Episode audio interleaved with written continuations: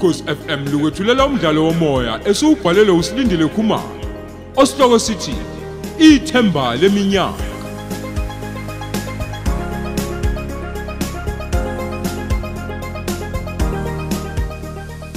Thamela isiqephu sethu samashumi amathathu nane.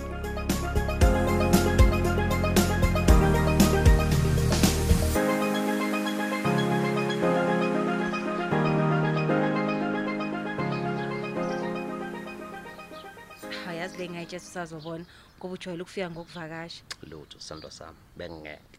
Ngisho phakathi nobusuku ngivala amehlo. Lapho khona khona wena ngizozwa ngephunga.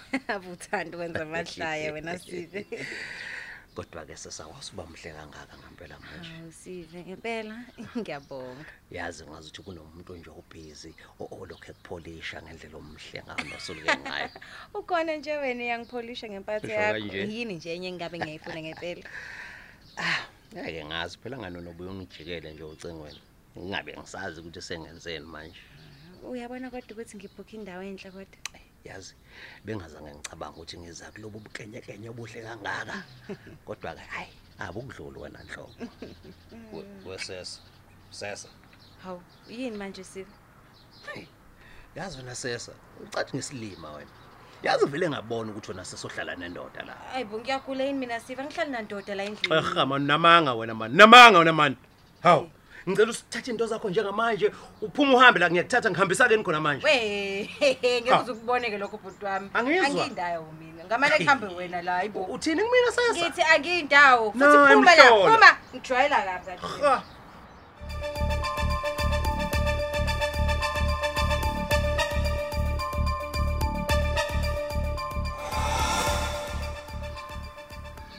Ha. hayibo ngempela kwakuwusive wani yena lo. Ngizongidina umuntu? Umuntu uzongishayela umthetho nje ngingamazi nokuthi owakaba isibongo yena. He nali bad lambo oqala nje mhlawumbe ubaba wami noma uyisihlobo thizeni yena usefuna nje ngizwe ngaye. He habe akangazi nokuthi mina ngakhula kanjani nje okokuqala. Ah, yazi angingabazi nje ukuthi uyena lo wale message. Yazi akangihambele lo bhuti angaphinde nje futhi abuye la. Hayibo ulucky hayi ayangiyazi-ke le nto. Ulakho uyithatha phi manje inamba yami. Hayi othi ngifunde khona ngizozwa kahle. Sawubona sesa. Ngiyathemba uyaphila kulelo lizwe osewahlala kulo. Ungathuki ukuthola umlayezo osuka kimi. Kusehuye ulakhi sesa. Umehluko ukuthi angisahlali emakhaya lapho owangishiya khona. Hayibo okwamanje ngise-Pietermaritzburg ngokuhlala. Kunendawo engisebenza kuyona khona lapha kwandongazibovu hayibo ungadinwa sesa ukuba yisicefe kuwo nomlando engiqeda ukusho ungixolele ngawo ngibona kungcono ukwazisa ukuthi ngenzani ngikuphi. Hayibo iyanda le ndaba. Ngisakuthanda sesa ney'nhloso zami ngawe uyazazi. Ngiyakuthanda. Ungixolele sesa ngenze into mhlampe ongeze wayithanda kodwa ngoba bengenziswa ukukuthanda ngikwenzile. Ungathuki ukuzwa ngezinto esengizazi ngawe. Yebo. Ngiyawazi umsebenzi ogcine uzithola uwenza edrobheni.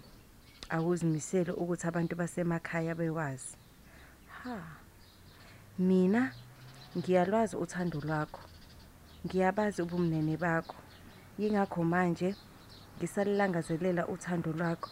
Noma mhlampe sekuzoba nzima kunakuqala. Hayibo abantu abenza lo msebenzi osuwenza manje akulula ukuzibandakanya ngothando ngoba inhloso yabo enkulu kuba yimali. Hayi abaningi bazithethelela ngokuthi abasenalo uthando kodwa mina ngiyazi ukuthi akekho umuntu ongathandi ukuthandwa abantu bahlukumezeke ngendlela yokuthi sekuze kwafika lapho bephosa khona ithawula. Sesa ngiyacela ukuthi uvuleleke kimi. Isizathu esikukhiphe ekhaya uyasazi wena kanjalo nami ngiyasazi Ngizimisele ukukhipha lapho kodwa uma uzimisele ngalokho ngifisa ukukusiza uthole umsebenzi ozosiqhenya ngawo. Mina ngenza ama short course ambalwa ngase ngafesa ngawo kodwa ngathola umsebenzi ophilayo. Hayibo, uthini like? Ngifuna ukukwenza umfazi wami wakusasa sisi. Ngiyazi uyaziqhenya u- ukuba yilomuntu onguye. Ngiyakuthanda sisi. Uma unamahloni ngomsebenzi owenzayo, ukhululeke kuzoba ukwazi kwami nawe. Ngiyacela sesa uyizwe kahle lento engiyicela kuwe futhi ungangiphoqi. Yibo. Ungakhathazeki ukuthi uma ushiya lowo msebenzi senizodlani nini nomama ngoba mina nginomsebenzi engiwenzayo futhi uyanginelisa. Ngiyacela sesa ucabangele mina phinde uphinde futhi uzicabangele nawe nekusasa lakho. He. Hayi kodwa Nkosi yami ngolakhi. Uthi angenze njani kodwa manje ngempela? Hayi kwaze kwanzima ngoba phela kuyiqiniso konke lokho akushoyo. Inkinga nje lo msebenzi akhuluma ngawo, hayi angeke ngikhokhele le mali le esengiyenza la. Hayi ngeke nje ngizomziba nje into engizoyenza. Hayi ngizobona ukuthi mhlawumbe akade kubali yini.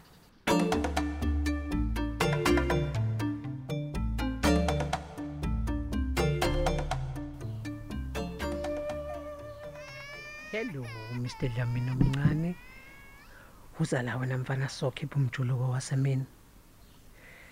Ya, ngizokuqeda la bese ngiyopheka imeshe sizolela sidlile webhuti omncane angithi. Ngiyeza. Haw. Ma ayan. Ah, Ma ayan eh, ngicela ungene. Ya, sanibona. Ma ayanda. Ngicela ungisize nje siyangwangitheli ngenyembezi. Ayikho nje into ekhalelayo futhi. Hey, ngiyaxolisa ma ayanda. Ngicela ungixolele sithandwa sami. Ngize ngixole nje wenzeni konje siya.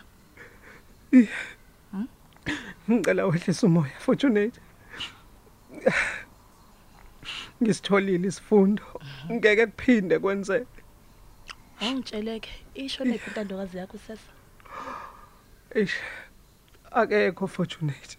Awu. Hey, angihleki. Hangithi uyena phela intombi yakho ezaziyo ukuthi ifuna nempilweni.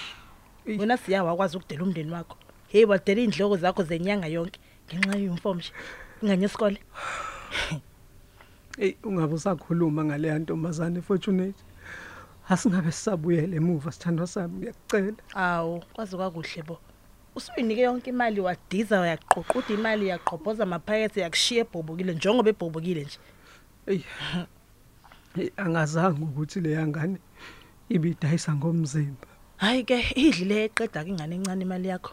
Amsho nje la ikhona hayi bandla ikhomba ngophakathi. Ayikho into engayidli.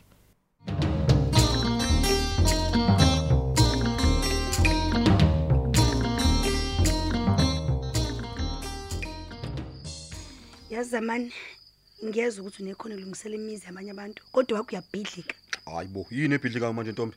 Hayibo sewuyashesha yazi ukubona wesilisa ongenayo impatho. Kodwa buka wena zamani awuhlalisekile neze wena. Eh, buka manje ulungisela ukuhamba kodwa ubuye manje kuseni ngaba ukwazi ukubonga ntombi? Awu.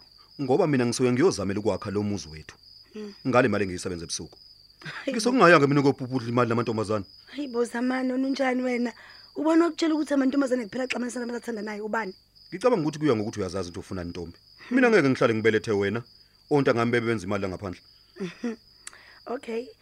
Bekufike boba omkhulu-ke emsebenzini namhlanje. Ayi, ayi, ayi, ayi, ayi, ayi. awungiyeke mina ngoba bomkhulu ntombi. Ngoba unayo nje inombolo yami yocingo futhi uyazi nokuthi ngihlala phi? Hhayi ke eyomndeni ayingeno thiwa ntombi kamalanga. Awubuke nosuyangibambezela awubazi uyangilanda abangani bami manje. Hawu, saba nenhlanhla. Nguza mandoda. kumayelana nani? Hey ubani kozophendula omunye ngoba nami ngikubuzile kwendoda yebo imi. Ningifunelani ngicabanga ukuthi ke ndoda ngaba kuhle ubuze uma space station lo mbuzo. Asambe.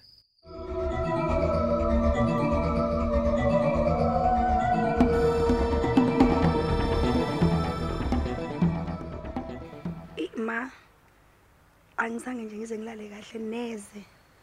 Ubushushwa yini mntanami fika amaphoyisa izolo ebusuku ma cabanga ngabo 8 ebusuku ma. Hayibo kwenze njani? Uphuthume ntomzodo Eh, ma nami ngizolinda yena ukuze ukuthi kwenze njani? Naye nje kuvele kwamthusa ukuthi lento amaphoyisa esikhaleni nje ngingonakele lutho. Eyawuphephisa sisi. Okwakobanje ukulandwa ngodliwa ungazi nokuthi wenzeni. Eyi ma eyibo yazi angikaze ngibuthi uqotha ubuthongo ngikutshela yasazi isono ma?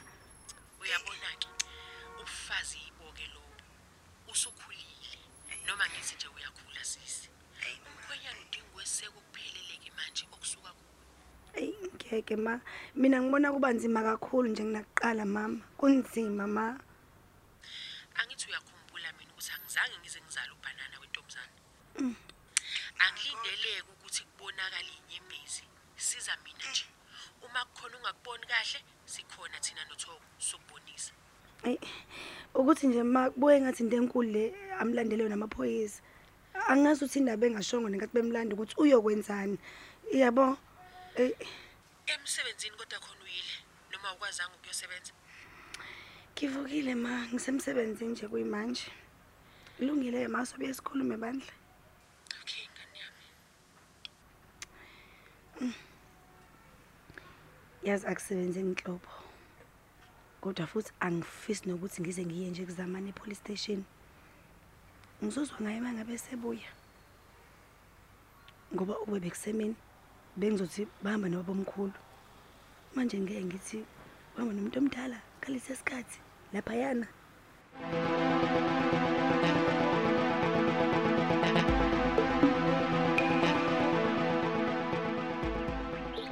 Good morning nkosikazi wami wakusasa. Good morning baby. Ngiyathemba ukuthi angikuphazamisanga ngomsindo ekhishini uyazi ngichazwa ikhona lokho nje ukuthi umama usevukile usekhishini hey fortunate. Cisho ungalahlekelwa uwe hhayi-ke kanti we-baby ngesinye isikhathi-ke umuntu wakho nje funeka ukumyeke umbuke nje alandele inhliziyo yakhe. Kumnandi-ke uma ngabe umuntu ephinda ayibone yena ukuthi ubhedile. Futhi kuya kube lula-ke nokufunda iphutha uma ngabe ulibone wena ungatshelwa ngalo. Hayi kunjalo khona. Kodwa yabona nje oba kuDisemba nje ngicela silungise usuku nje sisotshela ngala abantu abadala olodwa nje engizoya ngalo ekhaya kini. Hawu. He ngempela. Hey kuningi engikufundile sithandwa sami. Ngize ngaficwa yilesi yasimo nje nginemali. Yikho ngigange ngayo ngale yandlela. Lapha ngibona ukuthi mina ngihleli nomfazi wami wakusasa. Kodwa nje hey asikhulumi nje indaba yokuthi ngiye kini hayi. Hayi kaze ngajabula ukuzosho njalo siya. Mina sengizozwa ngawe-ke ngoba ayi sengiphila ngokukhulu kwesaba ayi ngeke angifuni nje ungasho into ongibonise yona ayi ngiyayisaba ngisho namanje. Hey kanti ngiyacela wehlisa umoya fortunate. Sifunda ngamaphutha sabantu.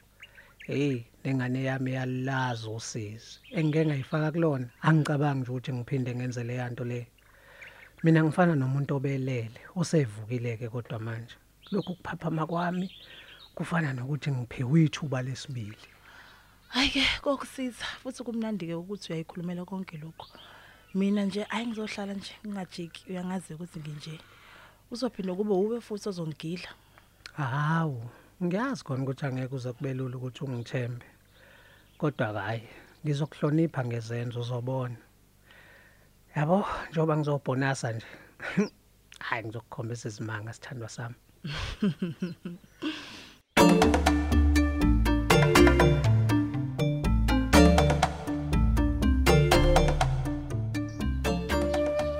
usangilinda nje ukuzwe kahle uma sengibuye emsebenzini ntombi. Hawu zamani bengikhathazekile ngikhathazeke kakhulu. Khathazwa yini? Hawu zamani umbuzo wakhe awunabo ubuntu kodwa yazi. Ayi soka. Ngibuyile ke. Fortunately bekungekho ukuthi ngiyaboshwa bekunesimo nje ababedinga ukuthi ngibasize kusona. Okay mina bengizokwazi kanjani lokho? Ukuba ngifunanga bengizozwa bengizokwazi ngani ngempela? Ayi wofunda ukulinda ntombi. Kumanje manje ngisafuna ukulala. Ayikho indawo elungele u- u- ukulala lapha kade ngikhona. Ayibo zamani ubanike lo ekuseni kangaka? Hayi angazi. Kuyomele ngi- ngiyobona kuqala bye